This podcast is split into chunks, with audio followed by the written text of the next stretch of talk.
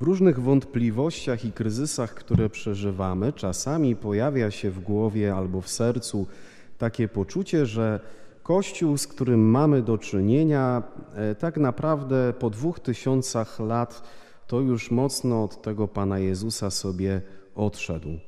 I gdzie w tym całym Kościele znaleźć Jezusa? I kochani, to co dzieje się dzisiaj w liturgii słowa jest dla mnie księdza, ale myślę, że też dla Ciebie może być takim niesamowitym dotknięciem ze strony Pana Boga.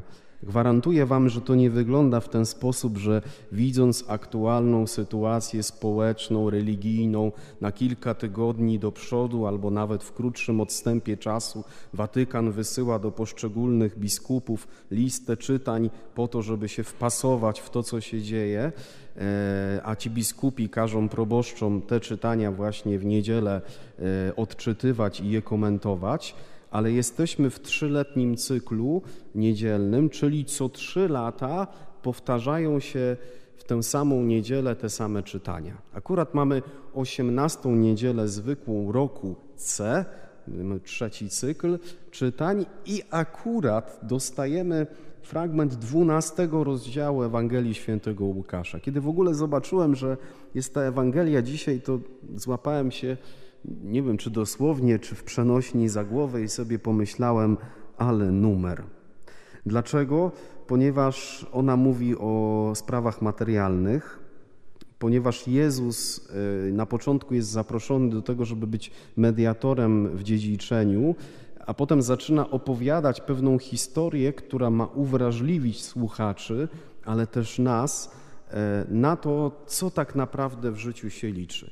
I pozwólcie, że otworzę e, nowy przekład dynamiczny. To jest takie tłumaczenie z wydawnictwa Vocatio, które pojawiło się na rynku polskim w zeszłym roku i ono próbuje e, właśnie Nowy Testament jakby wcielić w nasz współczesny język polski i być może jak usłyszycie jeszcze raz tą dzisiejszą Ewangelię w tym tłumaczeniu, to jeszcze bardziej coś was poruszy i zainspiruje.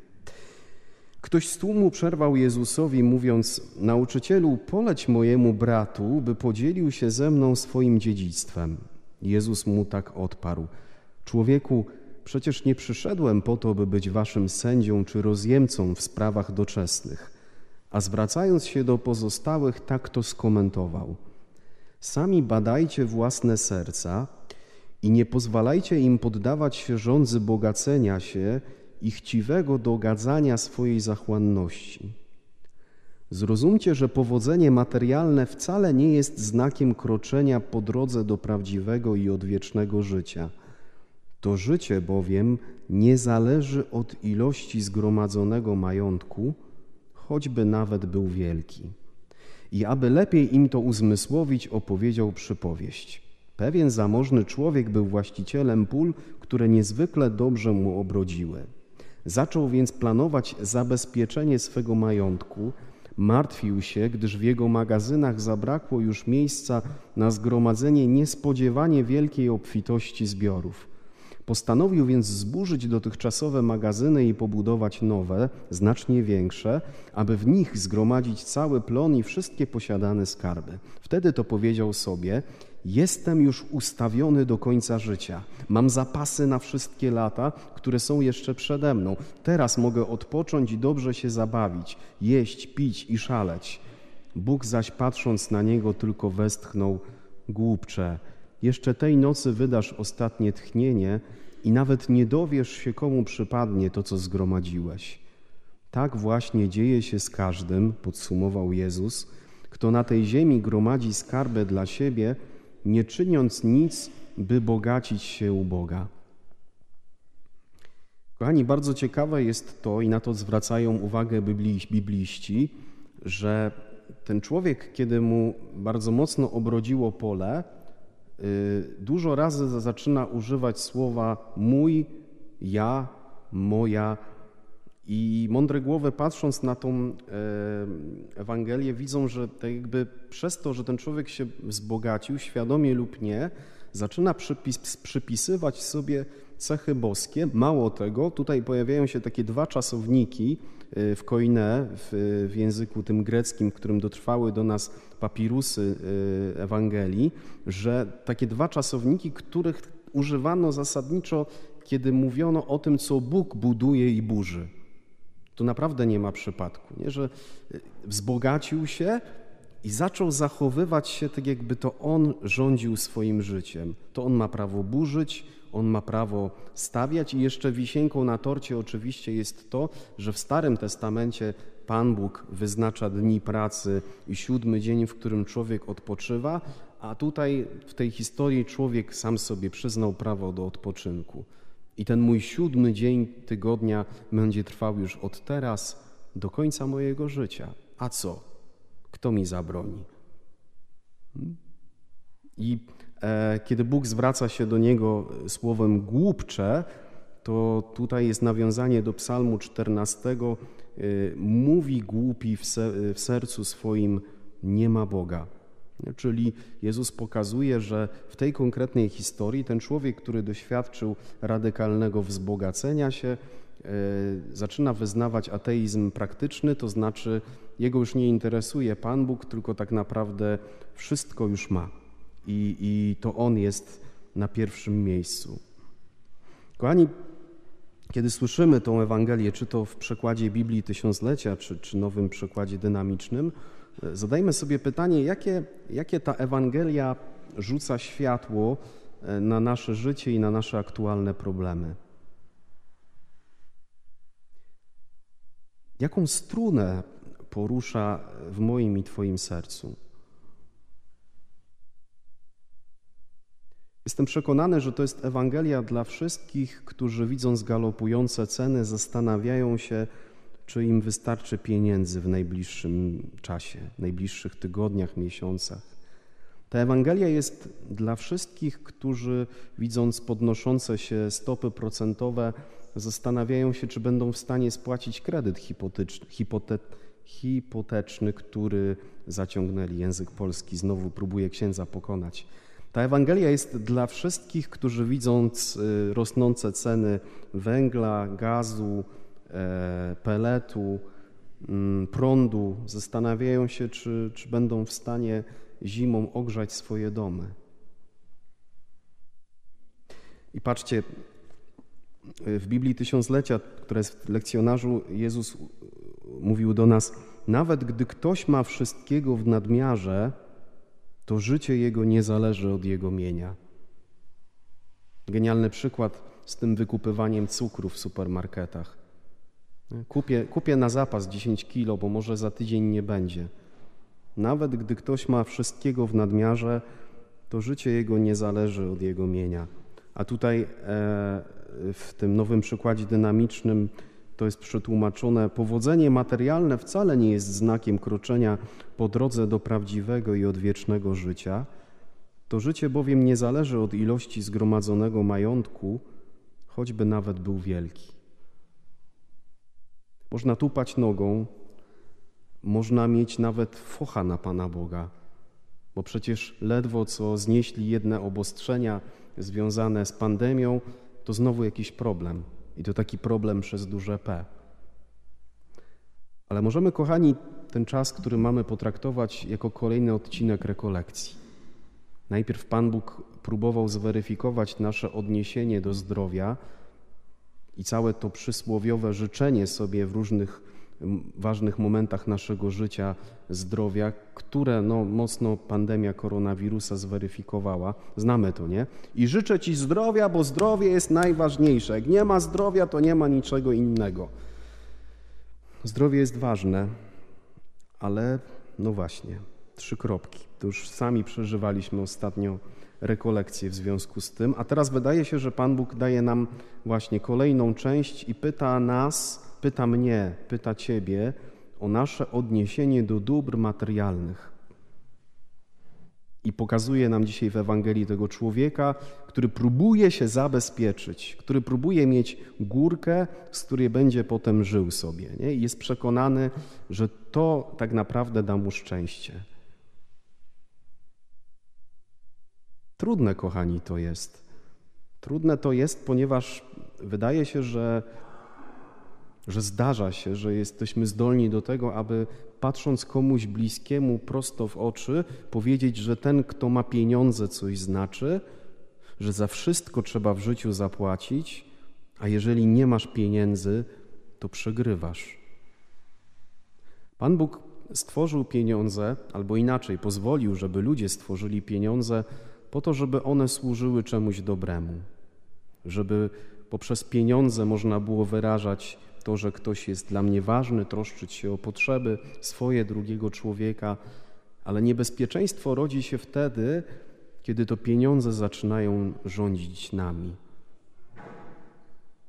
Zobaczcie, jaka dziwna sytuacja, że ktoś ma w ręku złoża naturalne, bardzo celowo już od poprzedniej zimy podnosi ceny za te złoża naturalne, najpierw za gaz, a teraz w związku z różnymi perturbacjami także za inne paliwa kopalniane.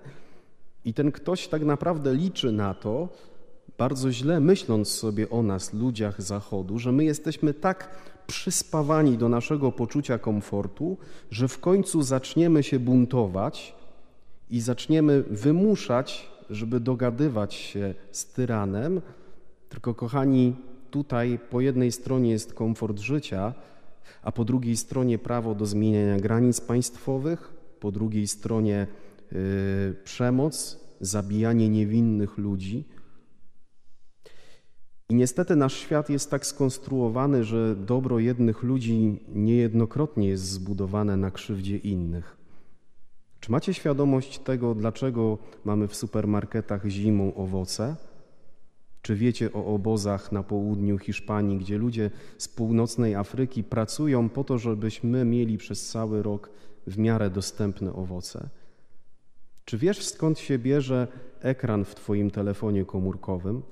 Czy słyszałeś kiedyś o kopalniach kobaltu w Demokratycznej Republice Konga, gdzie żołnierze pod karabinami pilnują młodocianych pracowników, którzy kilofami wydobywają w dołach kobalt po to, żebyś ty mógł mieć najnowszy model smartfona. Czy zastanawiałeś się nad tym, dlaczego akurat tyle pieniążków kosztuje koszulka albo bluza bawełniana w y, sieciówce w galerii handlowej? Że tak naprawdę za pensję, którą zarabiasz, możesz w ciągu roku sobie spokojnie trochę tych koszulek i bluz kupić. Nie kosztują one 500 złotych. Słyszałeś o tym, że w Bangladeszu 12-14-latkowie y, pracują, y, produkując te ubrania? Czy słyszałeś o y, przymusowej pracy w Uzbekistanie, gdzie studenci i lekarze muszą w ciągu roku odpracować konkretną ilość godzin na plantacji bawełny, po to, żeby państwo mogło wielkim koncernom odzieżowym sprzedać bawełnę, z której produkowane są nasze ubrania? I ktoś w świecie podwinął rękawy i stwierdził, że jeżeli nam jest tak dobrze, to można e, tak naprawdę e, zacząć nas straszyć tym, że nam się obniży poziom życia i my w imię tego zgodzimy się na wszystko. I to przepraszam, ale to myślenie nas obraża, bo ja nie wierzę w to, że jesteśmy zepsuci przez konsumpcjonizm. Ja nie wierzę w to, że jesteśmy gotowi poświęcić wolność i życie czyjekolwiek, mając świadomość tego, że to robimy, tylko po to, żebyśmy nie rezygnowali z pewnego poziomu życia. A dzisiaj, kiedy Jezus pokazuje nam tą Ewangelię o tym człowieku, to jesteśmy w takim dylemacie moralnym. I najlepsza oczywiście jest nieświadomość. Najlepiej by było, gdyby nikt o tym nie mówił. Najlepiej by było, gdybyśmy tak naprawdę e, żyli sobie nieświadomie, ale, ale właśnie, czy wtedy niepostrzeżenie nie jest tak, że to pieniądz zaczyna zajmować miejsce Pana Boga? I ktoś z Was może przyjść i powiedzieć, czy księdzu nie wstyd? Czy księdzu nie wstyd? Przecież ksiądz y, prowadzi parafię, gdzie ksiądz ma dochody z tego, co ludzie księdzu dadzą. Lepiej niech ksiądz już skończy. Kochani, ale popatrzcie na Biblię. To wcale nie jest tak, że dobra materialne jako takie są złe. Y, jest taka postać w Starym Testamencie, która jest podobna do bohatera dzisiejszej Ewangelii. Też wybudował wielkie spichlerze. Pamiętacie w Księdze Rodzaju Józefa Egipskiego? On też wybudował wielkie spichlerze. Pan Bóg mu powiedział, bo będzie siedem lat, kiedy będę ci błogosławił i ty gromadząc to pomożesz w przejściu kry kryzysu tym, którzy przyjdą do ciebie po pomoc, jak będą ciężkie lata. Także Pan Bóg jakby nie, nie, nie skreśla, nie mówi nie buduj magazynów, nie buduj spichlerza. Nie Józef buduje i nie dość, że ratuje Egipt, to ratuje jeszcze swoich braci, którzy wcześniej go sprzedali handlarzom ludziom. Ale ile w tym wszystkim potrzebujemy mądrości, ile w tym wszystkim potrzebujemy takiej pokory, że to nie nasza praca, nie to nasze, nie nasze kombinowanie, nie nasza kreatywna księgowość ma wpływ na to, że żyjemy, że mamy co jeść, że mamy w co się ubrać, że zarabiamy, że możemy spłacić kredyt ale to wszystko naprawdę zależy od Boga. I przyszedł czas, żeby właśnie w tym momencie historii powiedzieć: Panie Boże, jeżeli dotychczas miałem, miałam wrażenie, że Twoja wszechmoc kończyła się w sprawach materialnych i finansowych, jeżeli dotychczas łapałem się na tym, że to jest sprawa typowo świecka, to znaczy, że Ty nie masz nic z tym wspólnego, to znaczy, że wreszcie powinien nawrócić się mój portfel. To znaczy, żebym także w sprawach pieniądza, y, zabezpieczenia materialnego uznał, Panie, że to Ty rządzisz że Twoja jest władza, że to Ty jesteś najważniejszy. I jestem przekonany, kochani, że każdy, kto zaufał Jezusowi, będzie zabezpieczony mocą Jego opatrzności i że Bóg chce dawać nam tyle, ile potrzebujemy. Nie tak jak to było w tej Ewangelii dzisiaj, że czasem w nadmiarze y, widzimy swoją siłę. Panie Jezu, Dziękujemy Ci za to, że dajesz nam dzisiaj trudne słowo. Dziękujemy Ci za to, że zapraszasz nas do jeszcze większego zaufania Tobie. Oddajemy Ci wszystkie te momenty, w których byliśmy tak bardzo przyzwyczajeni do komfortu życia i do pewnego poziomu życia, że być może nie zauważaliśmy czegoś znacznie ważniejszego. Prosimy Cię, abyś nas uwrażliwiał na drugiego człowieka, abyś dawał nam taki sposób myślenia, że pieniądze, które mamy, służą dobru, że są narzędziem błogosławieństwa, że przez nie też możemy kochać. I oddajemy Ci też wszystkie nasze strachy, całą naszą niepewność związaną z aktualną sytuacją finansową i wierzymy, że Ty jesteś Bogiem, który się o nas troszczy, który żyjesz i królujesz na wieki wieków.